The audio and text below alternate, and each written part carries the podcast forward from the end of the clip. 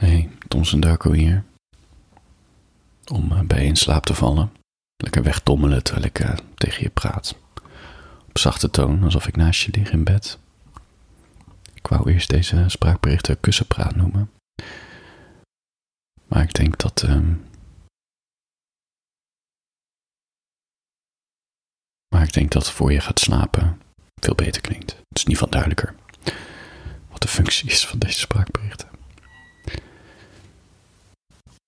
Ik zat de laatste tijd veel te denken aan de eenzaamheid van een geheim bewaren. Volgens mij is het heel eenzaam, want je kan het met niemand delen. Behalve met degene die het tegen je verteld heeft. Tegelijkertijd is er ook een soort wantrouwen dat degene die jou heeft vertrouwd met het geheim en zij niet doorvertellen. Je bent de enige. Dat je afvraagt van, oh ja, ben ik echt de enige of is dit zo'n gekke manipulatietruc? Dat heb ik dan. Dat op de basisschool werden mij ook wel eens geheimen verteld. Dan kom je volgens twee dagen later achter dat bijna iedereen dat geheim had gehoord. Um, niet omdat per se iemand aan het verraden was, maar dat die ene persoon iedereen in vertrouwen nam. En die geheimen waren vaak van, ja, ik vind die ene leuk. Ik vind die ander leuk. Die vindt die leuk. Die, nou ja, dat niveau, je weet het wel.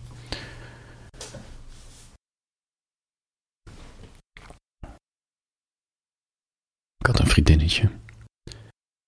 Op de middelbare school. En um,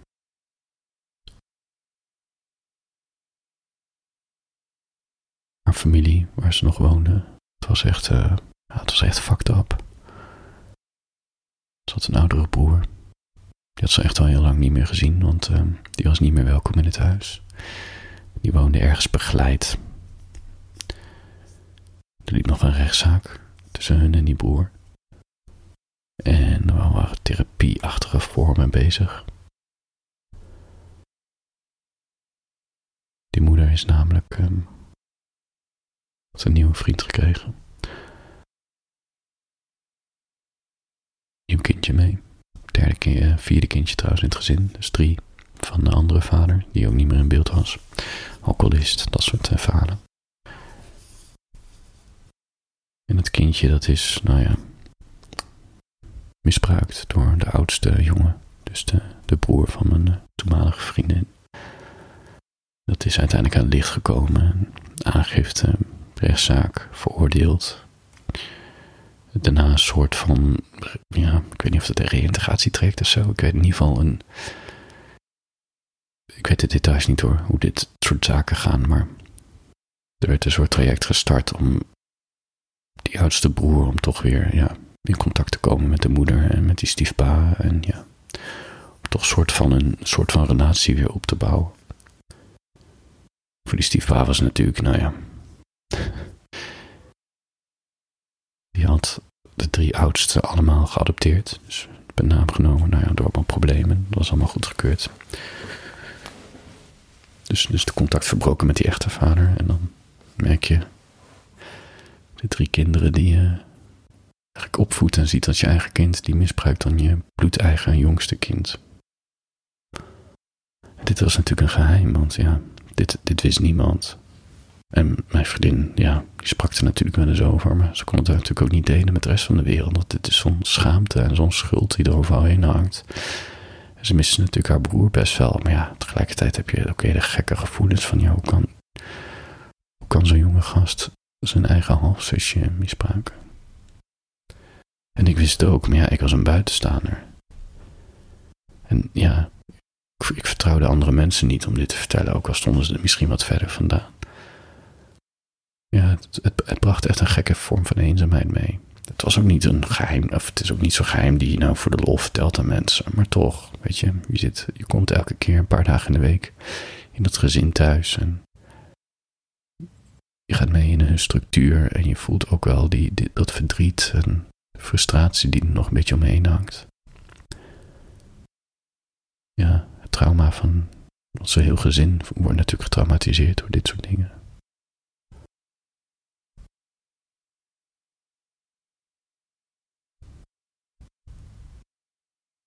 Ja.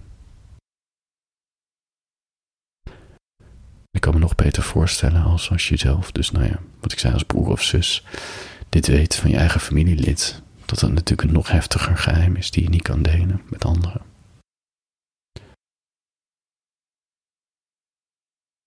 Tja. Voor je gaat slapen. Uh, wil ik een verhaaltje voorlezen. Die heb ik ergens in april van 2021 gepubliceerd. Het, heet, het verhaaltje heet Slaap met mij. Ga met me naar bed. Ze zei dat we in een volgend leven terugkeren om onze karma-punten op te krikken. En dan nog een keer, en dan nog een keer, en dan nog een keer.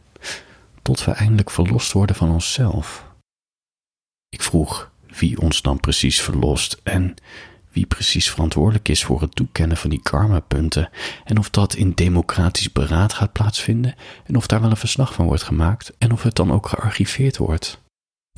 Ze vond me cynisch. Ik vond haar naïef. Ze zei: Je haalt de magie uit het leven. Ik zei: Je doet alsof Sinterklaas nog steeds bestaat. Ze zei: Plato geloofde in de onsterfelijkheid van de ziel. En ik vroeg: Oh ja, waar is Plato nu dan? Ze zei: Kristallen geven me harmonie en rust. Ik zei: Grappig, een rondje hardlopen heeft op mij hetzelfde effect en ik word er nog fit van ook. Ze vroeg: Wat zie jij in mij? En ik antwoordde: Door de hoeveelheid liefde die je in je hebt, zie ik een puur mens. Maar ik weet niet of ik dat echt meende. Ik weet wel wat ik ermee bedoelde. Ga alsjeblieft met mij naar bed.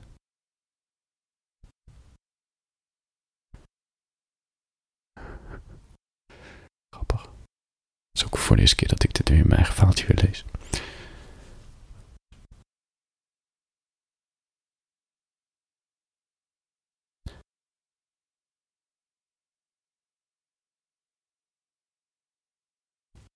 Voor je gaat slapen.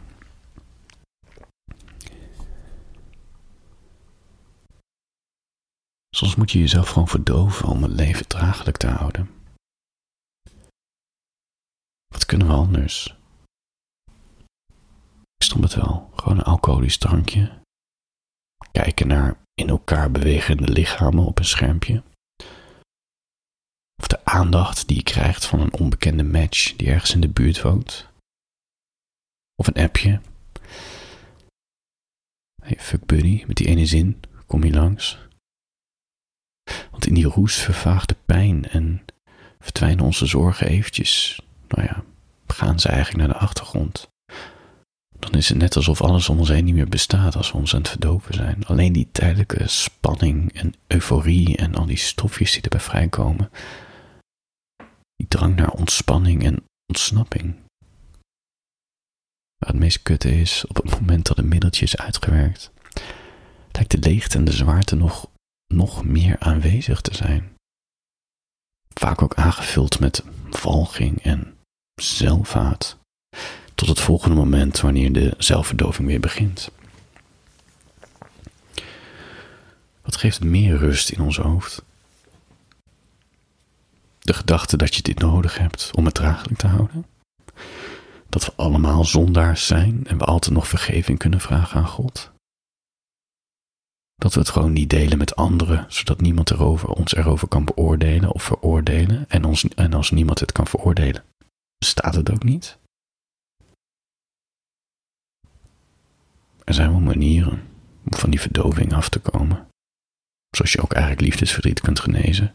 Dat is al je energie en tijd in iets anders steken. Niet een tijdelijke rebound, maar iets groters dan dat. Iets groters dan je eigen verlangens. Bijvoorbeeld kunst maken. Al die tijd die je tinderend, masturberend, suipend, blowend, snikkend, snuivend, gamend en neukend hebt doorgebracht, had je ook in iets anders kunnen steken. Tijd om iets te creëren. Iets wat diep in jezelf verborgen zit op te zoeken. Want het zit er en het wacht om eruit te komen. Het enige wat het nodig heeft is wat aandacht van je. Zoals een ontstoken wond pus uitscheidt om de pijn, het verlies en de prikkels van het leven te verwerken.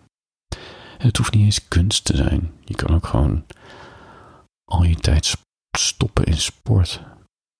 Lid worden van een schaakclub. Avondopleiding volgen. Vrijwilligerswerk doen of brieven schrijven naar verwaterde contacten uit je verleden. Er zijn manieren. Maar ja, misschien is dit wel te simpel gedacht van mij. De rush van een gecreëerd kunstwerk voelt toch anders aan dan iemand in je bed gepraat hebben. En de moeheid van sporten is toch anders dan de ontspanning van alcohol. Ik ben zelf vooral bang dat mijn hersenen zich aanpassen aan mijn eigen verslavingen. Zoals mijn hoofd al volledig één is geworden met Instagram. Ik sluit de app af en open het binnen een half seconde weer zonder bij na te denken. Ik vind het een gruwelijk idee om afhankelijk te zijn van een thrill, die me volledig over kan nemen. En tegelijkertijd wil ik dat die thrill, ik weet niet eens hoe je het uitspreekt, thrill, me langzaam vermoordt. Je weet wel wat Charles Bukowski zei. Find what you love and let it kill you. Let it drain from your all. Let it cling onto your back and weigh you down into eventual nothingness. Let it kill you and let it devour your remains. For all things will kill you, both slowly and fastly, but it's much better to be killed by a lover. Ja. Maar ik wil niet dat hij me vermoordt. Ik wil boven die drang staan. Ik wil het pad van verlichting volgen. Weg uit het donkere bos. Mijn tijd aan betere dingen besteden. Want het is geen liefde. Zelfdestructie is een ontsnapping om het leed draaglijk te houden. Het is iets ontkennen of iets proberen te verstoppen. En weet je wat nog het ergste is aan die donkere gewoontes uitvoeren? Zoveel tijd en het zwerpt zoveel energie op. Het overheerst je dag, je hoofd, je gedrag. Maar ja, ik denk niet dat vandaag de juiste dag is om ermee te stoppen. Misschien morgen. Morgen. Het voelt altijd als het beloofde land, morgen. Het is een soort Fata Morgana in de woestijn. Maar ja, misschien is morgen een juiste dag. Slaap lekker. Handjes boven de dekens. En als je wel rustig gewend wil worden, app of mail me even. Dan noem ik een eh, volgende keer je naam. Slaap lekker.